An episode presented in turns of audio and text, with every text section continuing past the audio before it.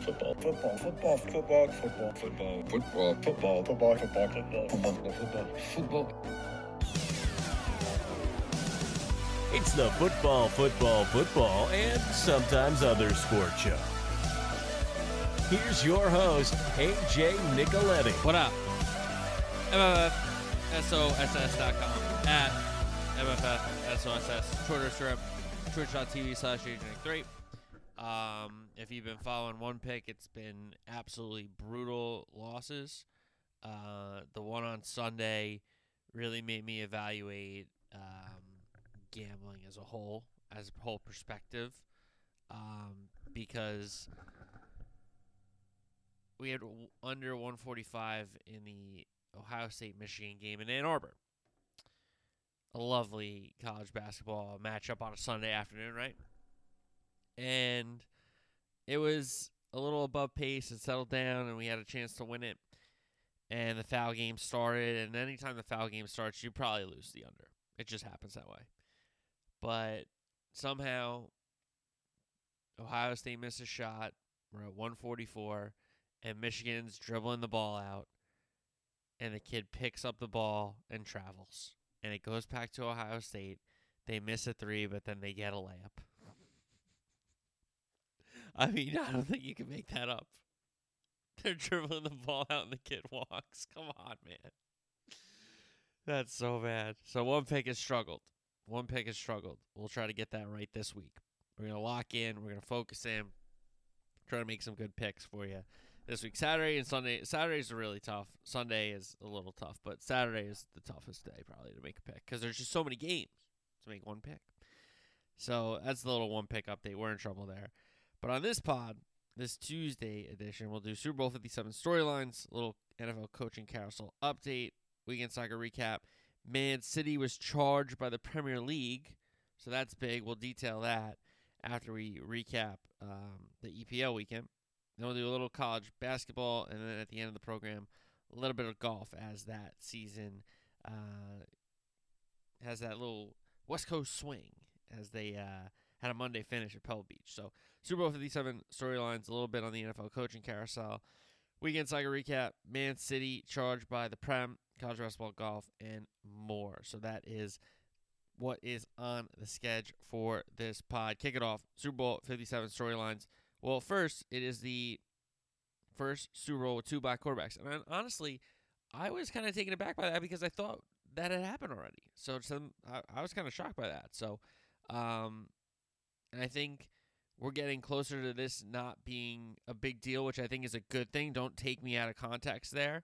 Of course, it's a, a great accomplishment for that community, but it shouldn't be like um, anything out of the ordinary that this is happening, is my point. So, um, hopefully, you don't take me out of context there. You understand what my, my message is. So, um, with those two quarterbacks, it's also the youngest matchup ever in Super Bowl.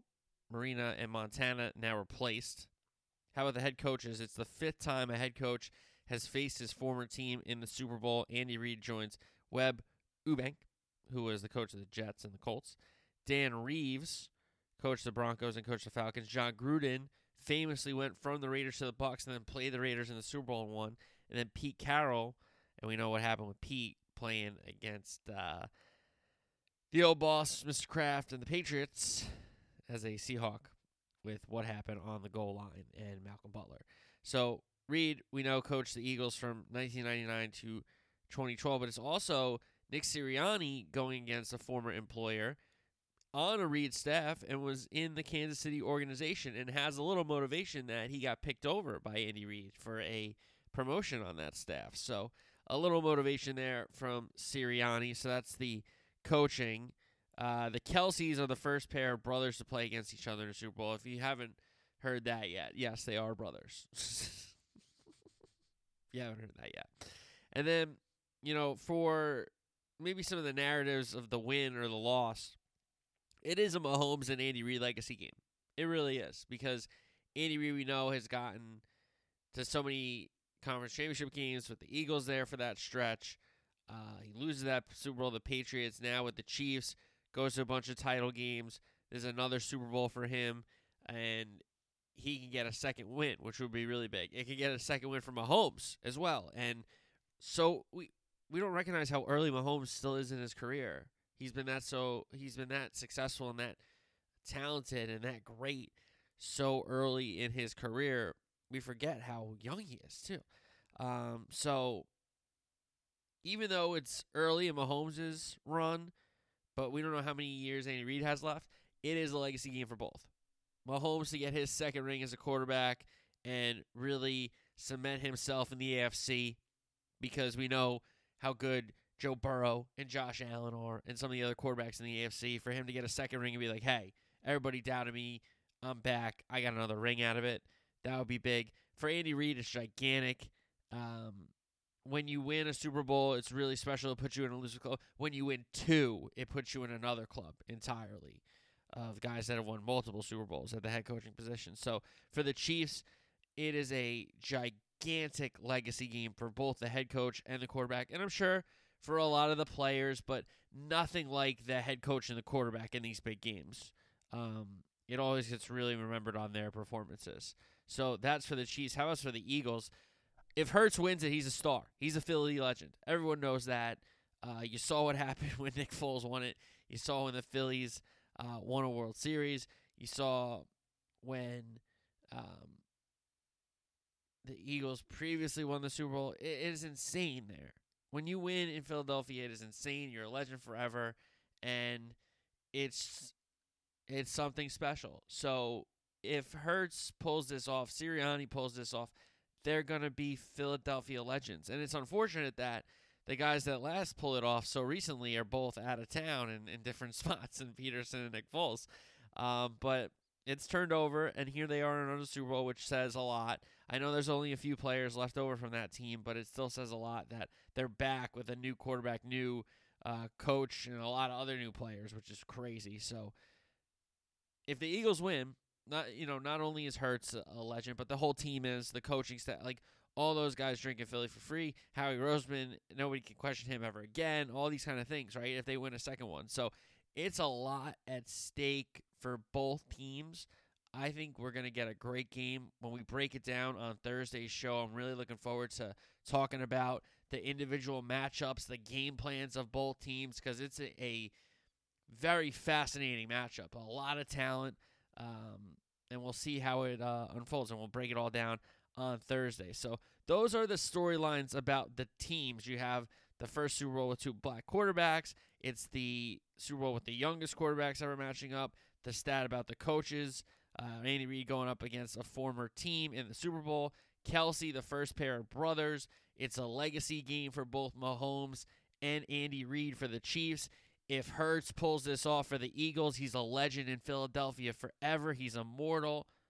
So those are some of the storylines about the game. But how about the history of the Super Bowl and really the previous narrative? The Super Bowls, 80s and 90s into the 2000s, they were kind of bad games and blowouts. And really, since then, the kind of Patriot dynasty created a lot of good games. You know, that first Super Bowl against the Rams, uh, the run against Carolina, the game against Philly, they weren't the best play games, but they were exciting games and good finishes, and they won on like field goals late. So those were exciting, right? So those kind of kicked off a great era. And if you look back at some of the games we've had, we've had a lot more good games than we've had the handful of bad games. So even last year, I thought Rams Bengals was a good Super Bowl. Went down to the wire, big touchdown from Stafford to Cooper Kupp, um, and the Bengals had a chance to possibly win the game driving late. Kansas City, San Francisco, great game. Jimmy G misses Sanders deep. It leads the Chiefs to come back. It's a big moment. Uh, obviously, the second New England Philly matchup where they did win the Super Bowl with Pederson and Nick Foles, that was a great game. 28 3, Pats against Atlanta, great game.